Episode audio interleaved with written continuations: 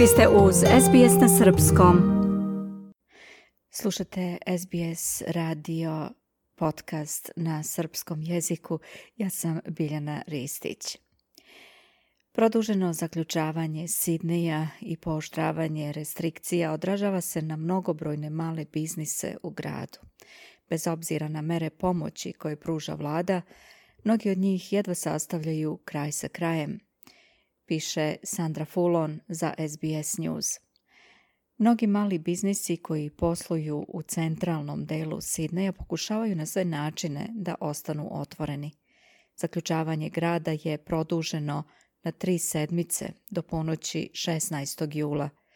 Federalni blagajnik Josh Freidenberg je odbio zahtev državne vlade da ponovo uvede program subvencija zarada JobKeeper kao vid pomoći posustalim biznisima. A zamenica gradonačelnika grada Sidneja Jess Scully kaže da mali biznisi prolaze kroz izuzetno težak period. There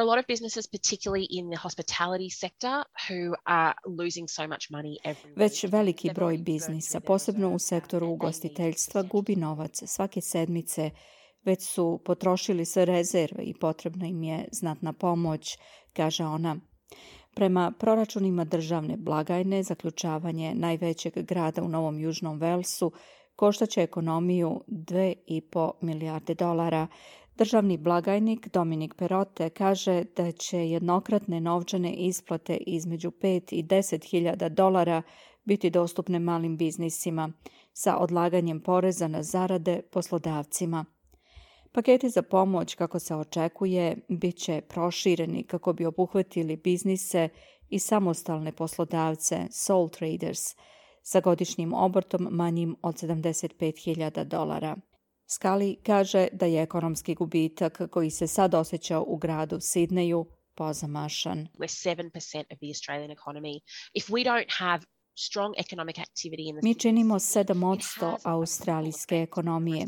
Ako nemamo jako ekonomsku aktivnost u gradu Sidneju, to će imati domino efekat na ostatak Australije, kaže ona. Jovan Čurić, koji je vlasnik kuhinje u popularnom pubu Pub Life Kitchen u gradskom jezgru, rekao je za SBS News da je dužan prema svom osoblju da pronađe način da ostane otvoren za posao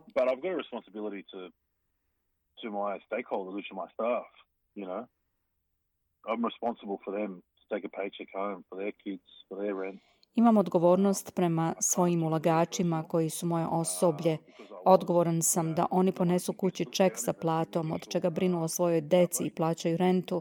Na neki način ovo shvatam lično zato što sam ja u inicijalnom zaključavanju bio taj koji je bio oštećen i znam kako je to osjećanje.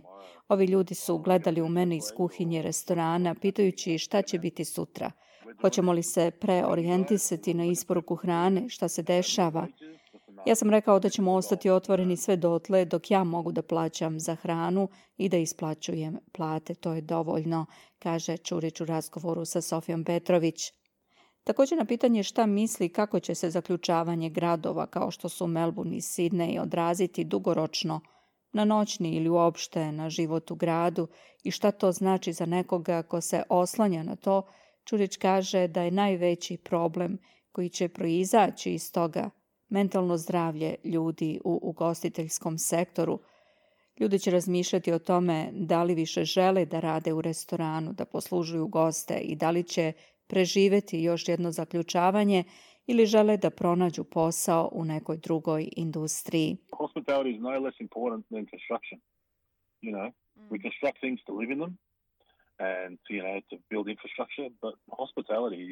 Ugostiteljstvo nije ništa manje važna industrija od infrastrukture.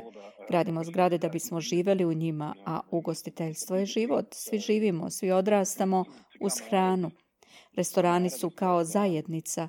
Kad budemo otključani, suočit ćemo se sa problemom nedostatka radnika što će se definitivno desiti. Pošto ljudi odlaze, ne znam kako će to izgledati, ali ćemo se definitivno suočiti sa izazovima.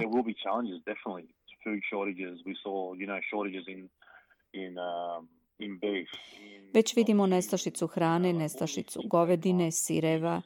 Sve ove namirnice zahtevaju vreme da se proizvedu i to će sve biti faktori koji će doprinijeti da sve bude skuplje ili nedostupno. Definitivno ćemo se suočiti sa izazovima, posebno kada je u pitanju proizvodnja hrane, a i cene će se povećati zato što zbog zaključavanja i restrikcija nemamo radnika koji su dolazili iz inostranstva. Osjetit ćemo posljedice, ali koje će to posljedice tačno biti ne znam, kaže Čurić u razgovoru sa Sofijom Petrović. Restorani u regionalnom području također su suočeni sa ogromnim gubicima i to u vreme školskih praznika, što je za njih najprometniji period. Nathan Tompkins je vlasnik restorana morske hrane u mestu Port McQuire na severnom obalnom delu Novog Južnog Velsa. Kad je zaključavanje um, zbog COVID-a bilo objavljeno, odmah smo sa 200 ljudi smanjili osoblje na 50. To je bila apsolutna katastrofa. Pre toga poplava ga je koštala milion dolara u godišnjem obrtu i nanesenoj šteti. Ovo sada dodatno komplikuje situaciju. Ako se zaključavanje nastavi određen period, nisam siguran da ću biti u stanju da se iščupam iz ovoga, kaže on. Umetnica Atefeh Hakmet je među onima koji pokušavaju da prežive restrikcije u Sidneju. Normalno ona podučava oko 80 studenata u svom studiju, na zapadu Sidneja. Taj studio je trenutno prazan. Ne mogu da podučavam studente, ne mogu da zaradim novac, a moram da platim troškove.